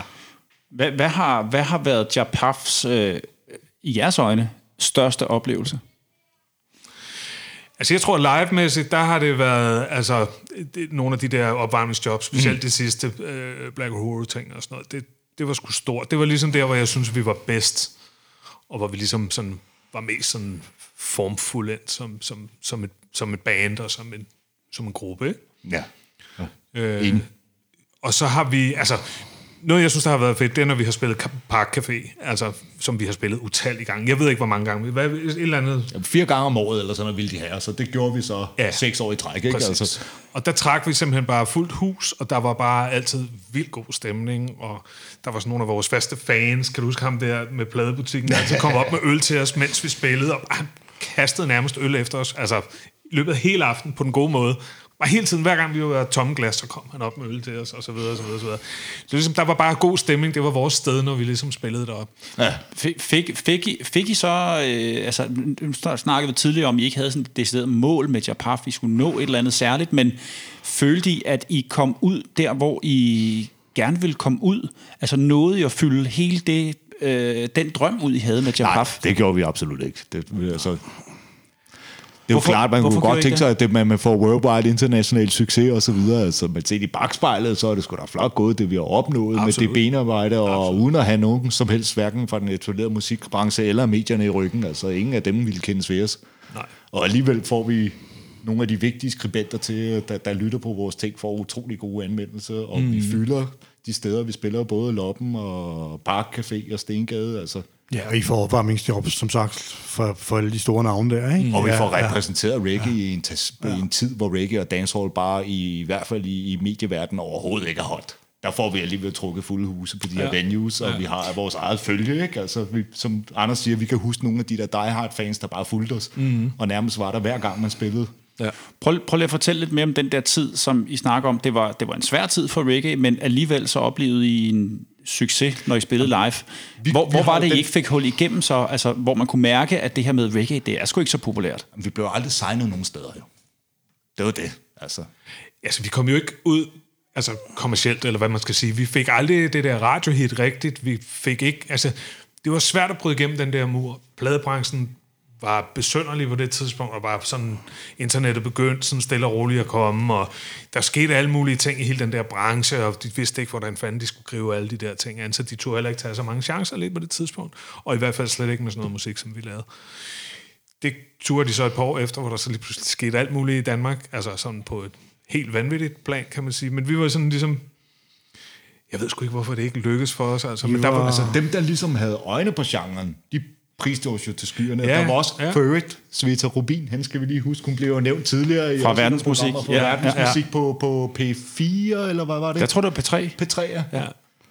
Hun har jo elsket reggae-musik også, og har lavet flere interviews med os, ja, og har spillet flere af vores numre i radioen, og anmeldt os og så videre. Og Flemming Harrev og Mick Eit fra World Music Danmark har været en kæmpe hjælp, og hjulpet mm. os med, hvordan vi skulle ansøge om turnéstøtte og så videre, for at vi kunne få de her blæser med ud on the road, og Præcis. Ja. udformning af kontrakter og sådan noget hjælp. Flemming, Flemming Harrev også også med, og Mick Eit sendte vores ting utrolig mange steder hen, fordi han synes bare, vi var fede. Og han synes, der var for lidt reggae i Danmark, og det skulle der bare, det skulle der bare ud. Men det er rigtigt, vi brød aldrig igennem den der mur, der ligesom var. Vi, for at vi skulle kunne komme videre, tror jeg, som band og alle de der ting, så skulle vi ligesom være kommet videre øh, rent kommercielt også. Vi skulle have ramt et pladeskab, nogen der turde smide nogle penge efter så vi kunne lave et album og prøve at, at, at, at lave noget koncept omkring det. Ja, fordi det der med at Sker fylde loppen eller fylde parkcafé eller for på femte år i træk nu, nu har vi gjort det ligesom. Mm. Altså, du Ja, ja, præcis. Hvad skal der til for at få det steppet videre end det her? Ikke? Altså, hvad skal der til for, at medierne overhovedet gider snakke om os? Vi fylder de her spillesteder år efter mm. år, og de gider ikke engang nævne os, du ikke? Altså, Ja. Er det, er, det, er, det, er det først med Big Stock, at det ligesom sker? Ja, det tror jeg. I hvert fald kommercielt set, altså I ud, Danmark. udad til, Ja. ikke? I Danmark, ja. Er det, er det, har tiden ændret sig øh, for reggae i Danmark, da de Men bryder jeg, ser, jeg ser faktisk øh, utrolig stor pound. Der er øh, sammenhængen. Hvis du kigger på Danmark, og da jeg hører i jeres programmer, de siger, hvor er reggae-undergrunden henne? Den er forsvundet. Det er den så ikke helt, jeg så sige, men det er sådan noget andet. Det samme sker i hiphop jo. Vi begynder at høre hiphop i 80'erne. Udover MC Ejner og Rockers by Choice, som var de to første, mm. så er der ikke noget. Det er kun på engelsk. Ja, ja. Der er ikke noget i radioen, der bliver spillet. Nej, der er ikke nogen medier, der skriver om. Til gengæld er undergrunden kæmpe, kæmpe stor. Ja. Måske netop fordi medierne ikke gider Ja, ja, ja, at skrive om præcis, det. Fordi du præcis. kan, hvis du vil høre rigtig hiphop, bliver du nødt til at tage hen til det og det jam. Og være en del af det. Ikke? Mm. Der var hiphop jams over det hele. Det hele var på engelsk. For ikke, der var næsten ikke nogen, der rappede på dansk. Nej, det kom lidt senere. Ah, det var, men det var stort. Der var hiphop jams hele tiden. Mm.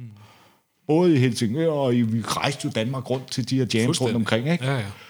så sker der det, at hiphop på dansk lige pludselig bliver stor. Ja. Det giver et boom. Hvid chokolade, hele det boom, humleridderne, alt sådan noget. det boom bliver så stort med dansksproget hiphop, at den engelsksprogede undergrundsscene, den nærmest dør. Ja, Der, fuldstændig. der, der er ikke flere brav. undergrundsjam point, fordi nu er det hele så stort, og hvid chokolade, ja. og humleridderne alle sammen ude. Det, der også sker, det bliver så... Medierne hopper jo på den her bandwagon, så der kommer så meget dansk hiphop ud på en gang, at markedet bliver overflottet. Mm. Det vil sige, det imploderer på et tidspunkt. Så forsvinder de igen. Og når de forsvinder, så er både overgrunden forsvundet, og undergrunden er forsvundet. Mm. Og så måtte hiphop ligesom begynde forfra. Ja. Det, der så langsomt er sket med hiphop efterhånden, det er jo, hiphop har slet ikke brug for det længere. Hiphop er en accepteret genre. Du kan lige så vel komme på popchart med et hiphop-nummer, som du kan med, med et rap-nummer. Og i det, min, min, min teori der er, det er, at det samme sker for reggae faktisk. Der, du har der kæmpe undergrundsscene i Danmark, hvor det er på engelsk, det hele originalt, der danses over det fucking hele, ligesom der var hip-hop jams over det fucking hele før i tiden. Hvornår snakker vi nu? Hvad mener du? Der altså, snakker vi før Big Stock. ja, ja, altså... Så kommer Big Stock ud, og Natasha på dansk. Rockers by Choice kom ud, MC Ejner. Mm. Mm, ja, ja, ja. Same. Kæmpe stort. Så er der en lille stilhed før stormen. Mm. Ligesom efter Rockers by Choice, MC Ejner, mm. hvor reggae undergrunden virkelig, virkelig blev stor. Clashes og dances hele tiden, du ved ikke. Der er 10 andre end Supermikes, der laver dances hele tiden. Universal laver dances, vi laver dances. Farfar med Ægger har deres 59 P, Sound System P, hvad hedder det? 59p. som blev til 59 røgsystem, som blev til Big Stock røgsystem. Og vi snakker vi nu starten af 2000'erne, ikke? Starten af 2000. Ja. Så bliver Big Stock stor, Natasha bliver stort, undergrunden er stadig stor. Pludselig sker der det samme, som det gjorde med dansksproget hiphop. Mm. Der kommer så mange dansksproget reggae ud på en gang, Det at markedet det imploderer. ja. Nu er undergrunden, den er væk, for det hele blev til overgrund, og overgrunden, den er imploderet, så det hele... Men til gengæld er der også sket det, at reggae er jo blevet en accepteret genre nu. Jeg behøver ikke længere, hvis jeg skal booke et job, lade være at sige reggae, eller lade være at sige dancehall.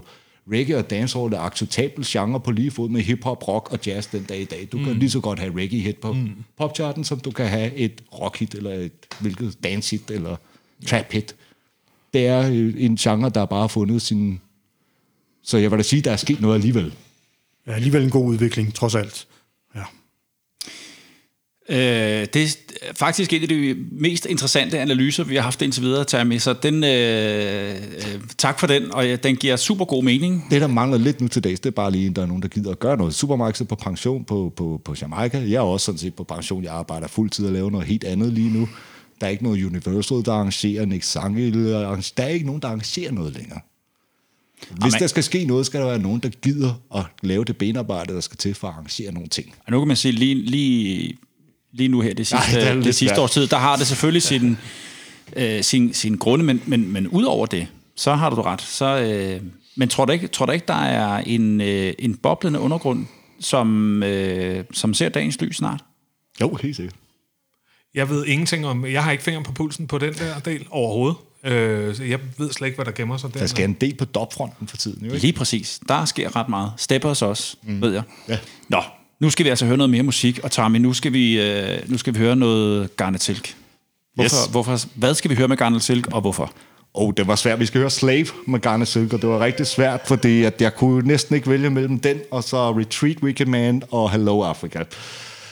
Det er alle tre nogle fantastiske. Jeg synes, Garnet Silk er en af de mest fantastiske i den korte karriere, han havde. Den, øh, han græder jo nærmest sin sang ud, altså. Og den vibrato, han har, den der meget hurtige, øh, kunstige vibrato, han ligger. Han kan lige meget, hvor kort en tone han ligger, kan han nå at lægge tre vibratoer ind i. Altså det, og det er så dybfølt og stor sanger. Stor sanger. Jeg synes, Og vi skal, lige præcis på Slave her, der synes jeg, han synger allerbedst overhovedet. Han, det rører mig dybt, den måde, han synger på, ja. et af hans mere roots-prægede numre. Ja, det kan man godt sige. Ja. Lad os høre det. Det er Garnet Silk med Slave.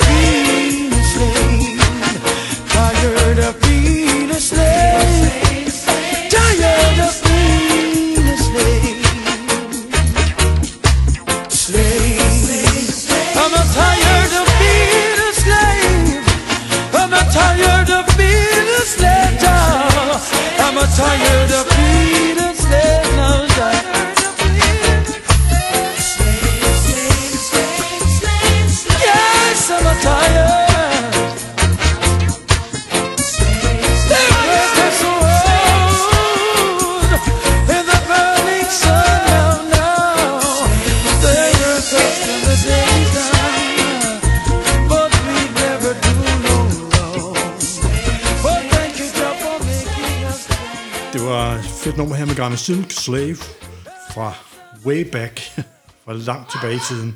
Og apropos tilbage i tiden, og så er vi så I ved at lave en øh, tidslinje, dig og Tormod Holm, øh, om øh, dansk reggae-historie på skrift, hvor vi laver det mundtligt, kan man sige, så er I ved at lave det på skrift. Ja, jeg vil sige, det er sin spæde opstart. Det er, tilfældigvis havde jeg, var, jeg, var, var jeg gået i gang med noget arbejde, og så spørger Tormod mig tilfældigvis, hvornår var det nu, Japar startede, hvornår var det, i sluttede, og spørger lidt, hvorfor, hvad- hvorfor? Jamen, det er, fordi han var i gang med at kortlægge nogle ting, og så siger jeg til men det har jeg sjovt nok også gang i. Skal vi ikke øh, prøve at slå pjalterne sammen? Og, og det er sådan set der, hvor vi er med det, men øh, som jeg kender Tormod, og jeg kender mig selv, så skal det nok blive til noget. Og hvordan er det, du øh, dokumenterer? Du I skriver det ned, fordi jeg har jo set udkastet til Tormods tidslinje over mm. den danske reggae. Øh, er, er, det, er det det, du gør også? Ja, men det jeg godt kunne tænke mig, det var også, at man havde et site, hvor man ligesom kunne lægge ting op. Du ved, Base on Trouble, links til alle deres øh, udgivelser, links til liveklip, øh, links til pressemeddelelser, pressebilleder osv. Og, så videre. og så lave det for hver band simpelthen, så Japaf kan få sin egen lille Base on Trouble, Big Stock, alle kan få et slot. Det er en god idé. Og ligge sådan rigtig kronologisk også i tidslinjen, så man kan gå helt tilbage til tredje tilstand og så videre, når man går langt nok ned. Ikke? Det, Det, det, er i hvert fald min, det er min drøm med det i hvert fald. Så det respekt, håber jeg, at dengang vi får realiseret. respekt for det. Det, øh, det håber jeg altså bliver, øh, bliver til noget en dag, fordi øh, så må vi jo arbejde sammen om det, så, så kan man lægge podcasten herind der, hvis der var på den hjemmeside eventuelt. Jamen, I er så velkomne. Vi er jo ved at nå til enden af, af både afsnittet, men også Japafs historie. Hvornår slutter Japaf, og hvorfor stopper I? Jeg tror, sådan som jeg husker det, jeg har det ikke skrevet op helt præcis en bestemt dato. Jeg tror, at det... Øh, altså, vi slutter et eller andet sted i 2001. Ja. Øhm, og jeg, som jeg husker det, og som jeg føler det, så var det sådan en meget naturlig øh, afslutning af det. Ligesom at vi var ved at gå halvdøde i det, hver for sig, tror jeg. Både Alawi, Tami og jeg. Øhm, vi havde gang i alt muligt andet ved siden af. Jeg havde, som sagt, på det tidspunkt startet et stort studie op, som jeg skulle være i fuld tid og producere og indspille og mixe for alle mulige mennesker. Så jeg havde gang i et hav af forskellige projekter. Så jeg tror, jeg havde vildt travlt også. Vi havde så samtidig sideløbende startede vi også øh, altså et bookingselskab op, mm.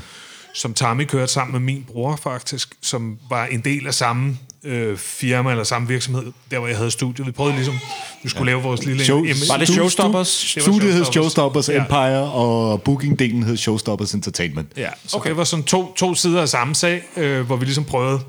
Altså, vi havde en idé om, at vi skulle være store mediemoguler og kunne det hele. Det blev det ikke helt til, men... Altså, vi, vi, vi kunne ligesom... På grund af vores øh, store netværk, så kunne vi begge dele. Både have et studie kørende, og, og så køre sådan en booking- og øh, agent øh, mm. Virksomhed også. Det kørte vi et par år, og så tror jeg faktisk, at vi... I begyndte at koncentrere meget om det, og jeg koncentrerede mig meget om studiet. Ja, jeg vil sige, det er omkring 2001, der begynder jeg at lave en masse solo-ting også jo. Ja, ja. Og det tager... Det kan jeg mærke, det bider tiden er til det der, 2001. Den type dancehall, jeg gerne ville lave, var ikke nær så rooted, som det, vi lavede med Japaf tit. Mm. Og jeg har jo kigget meget til den tyske scene på det tidspunkt, og kan se, hvad Jamaican Records har gang i, der Seed har gang i, Gentleman har gang i, og det er jo det, jeg gerne vil, ikke? Altså. ja, ja. Og jeg begynder at arrangere en masse ting på det tidspunkt, netop med, med Showstoppers Entertainment, og ja, det, det, det tager mere og mere overhånd. Ja. Jeg, du- jeg tror også for mit, øh, mit eget vedkommende, der var det også noget med, at vi havde ligesom... Jeg følte ikke, at vi kunne nå længere end der, hvor vi var. Vi havde de der store opvarmningsjob til sidst, og vi spillede gode koncerter og alt sådan noget. Vi, vi var faktisk rigtig gode. Og så der skete bare alligevel ikke mere. Altså, vi kunne ikke bryde igennem den der kommercielle mur, hvilket var nødvendigt. Altså, med kommercielt mener jeg ikke kommercielt, men altså der, hvor der ligesom kommer nogle selskaber ind over, og, og, og vi skal ligesom distribution videre. og så videre. Og distribution og sådan noget, og vi kunne ikke bryde igennem det der. Og så tror jeg også, at så var man også nødt til at sige, okay, nu har vi, nu har vi gjort, hvad vi kunne. Mm. Men, men føler I, at I måske kunne have brudt igennem, hvis I var blevet ved, og havde måske revet med på, revet med på den bølge, som, som kom nogle år senere? Ja, men vi var ikke på dansk, og det var jo nok Ja. en bagdel i forhold til alt det, der skete der et par år efter. Ikke? Men jo, måske. Hvem ved? Det kan man jo aldrig vide. Nej, det kan Jo man jo, aldrig men du har jo navne som Gentleman og øh, Ja, nu Kalle P Danmark, og ikke? Million Stars, som er jo Ja. øh, europæiske artister, men som synger på engelsk og Ja, spiller i hele Europa og så videre. Ikke? Altså, Ja. Så det ville måske godt kunne have lavet sig gøre, hvis man blev ved. Måske. Det skal også sige, at vi har jo også holdt hinanden ud i 8-9 år på det her tidspunkt. Ikke? Altså, Jo. det er jo også, det er også meget at skulle have sagt. Ikke? Altså, Ja, vi arbejdede meget intensivt i, i perioder, hvor vi virkelig var sammen hele Ja. ja. tiden og sådan noget. Ikke? Og alle de jobs, vi spillede, altså uendelige uh, ture i banebusser, ikke? Og, og, og tager med din tid efter Japaf, den, den, den er jo rigtig, rigtig lang og rigtig der tager jeg spændende. lige 13 års løb eller noget i den stil. Ja. Ja, og der, har, der tager vi altså en udsendelse øh, kun om det på et eller andet tidspunkt, Respekt. fordi den, den historie skal vi virkelig høre. Øhm, og så skal vi jo altså, vi skal høre det, sidste nummer fra i aften, og det er jo altså det nummer, Alawi, han, øh, han havde ønsket. Øhm, og det er med Twinkle Brothers. Og det er et nummer, der hedder... Stomach Sick. Stomach Sick. Det er super, super fedt nummer. Øh, jeg havde ikke hørt det før, men øh, jeg har sgu aldrig hørt det før. Stomach Sick. Den var varm. Men det, har, det, det havde jeg fra, da, da... da jeg fik at vide, at det, at det var det, han ville høre. Super fedt nummer. Så det synes jeg, vi skal høre. Det er Twinkle Brothers med Stomach Sick.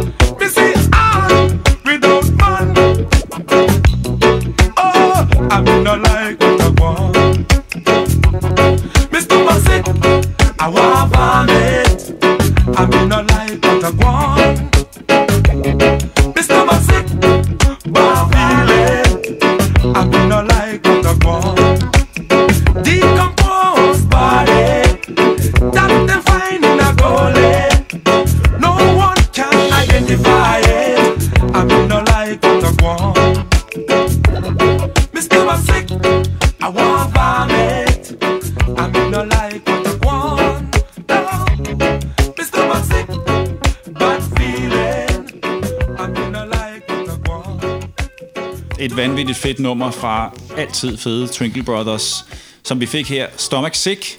Og vi sad og snakkede lidt under nummeret, at hvor fedt det var, og, og, og, og Anders, du sagde, det er jo altså super, super tight, altså det her. Og det er det, der gør det fedt. Tørt, mm. lækkert. Ja, Og så har du mødt forsangeren, Lars. Jeg mødte ham øh, helt tilfældigt for en, tror, en, tre år siden i en øh, reggae-pladebutik, der hedder Supertone i Brixton, hvor han stod og læste avis.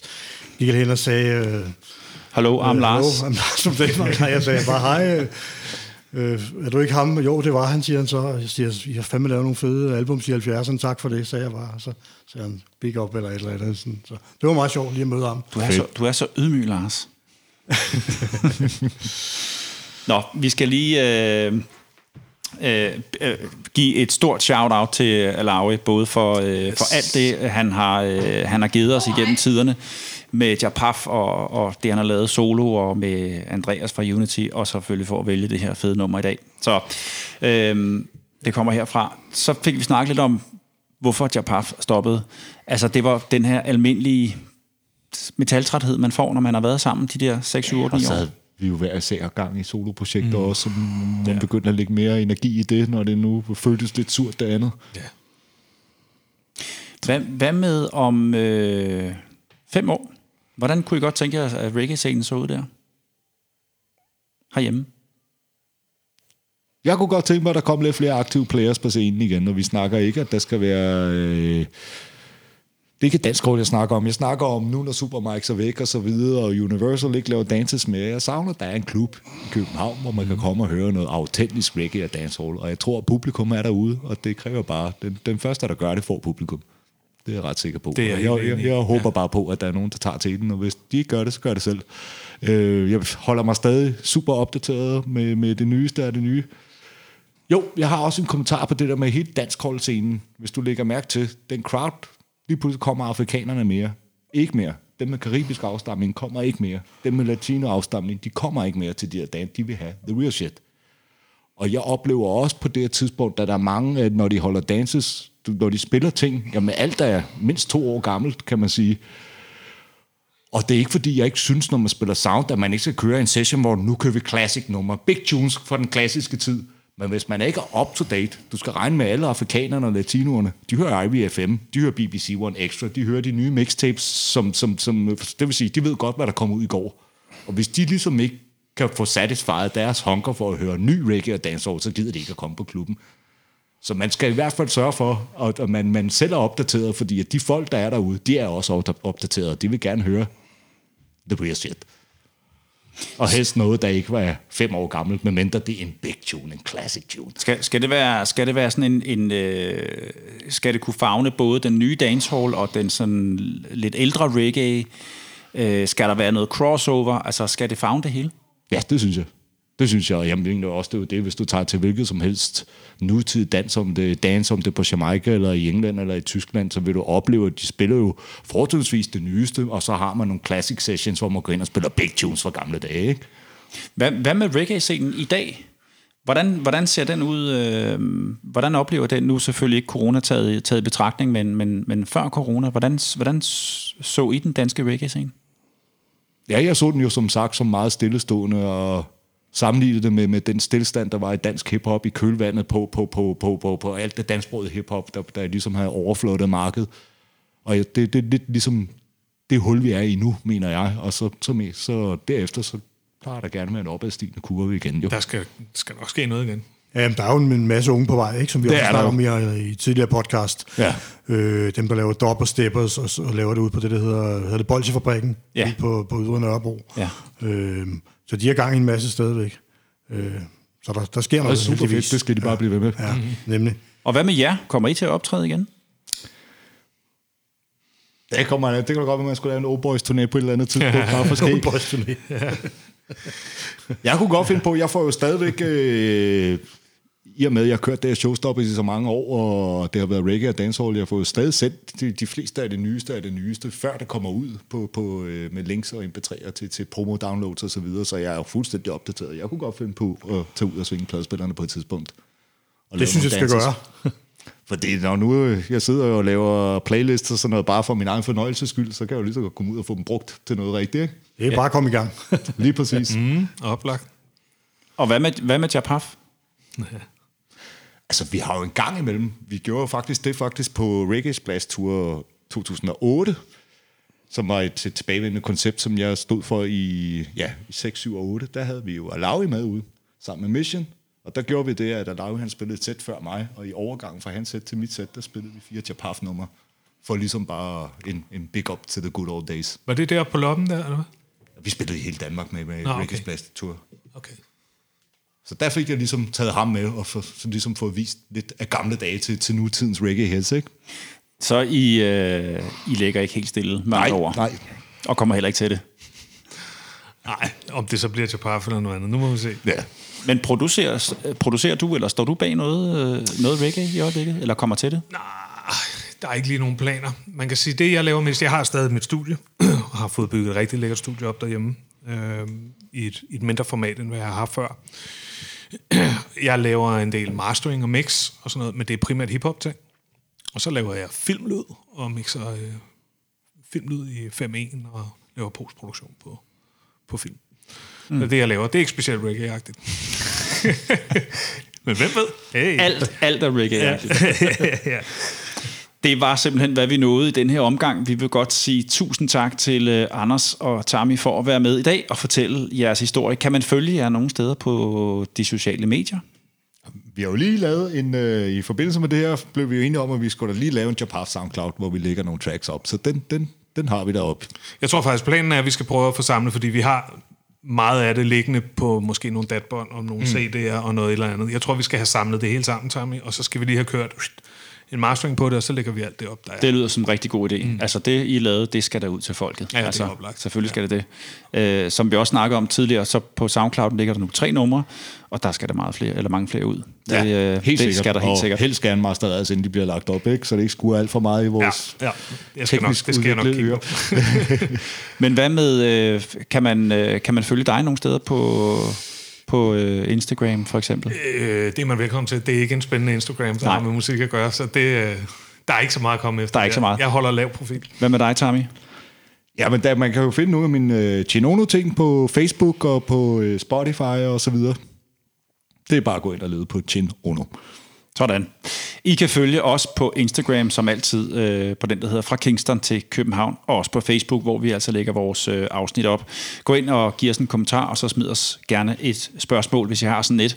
Husk, vi udkommer med et nyt afsnit hver mandag på Apple Podcast, Spotify, Google Podcast og på vores hjemmeside, altså fra kingston til kph.dk. Og her skal der lyde en stor tak til øh, vores tekniske supporter, Jonas Bæk. I må meget gerne give os nogle stjerner inde på iTunes, og der vil jeg lige sige, det må I rigtig gerne gøre, fordi jeg har, hørt, at jo flere kommentarer og stjerner man får, så kommer man lidt op i feedet. Så det vil vi da rigtig, rigtig gerne. Øh, der ligger, der er en enkelt, der har skrevet en kommentar derinde. Øh, en meget, meget flot kommentar om, at, øh, at øh, vedkommende rigtig godt kan lide øh, vores podcast, men har kun givet os to stjerner. Meget Og, mystisk. og, og det trækker os lidt ned, så det er jo ikke så godt. Så gå endelig ind, og så giv os øh, så mange stjerner, som I, I synes, vi, vi øh, fortjener. Øh, tak for nu. Tak fordi I lyttede med, og husk at fortælle din nabo om denne podcast, så vi kan komme ud til endnu flere lyttere. Vi høres ved i næste afsnit af Fra Kingston til København på genhør, og husk, at reggae skal ud til folket.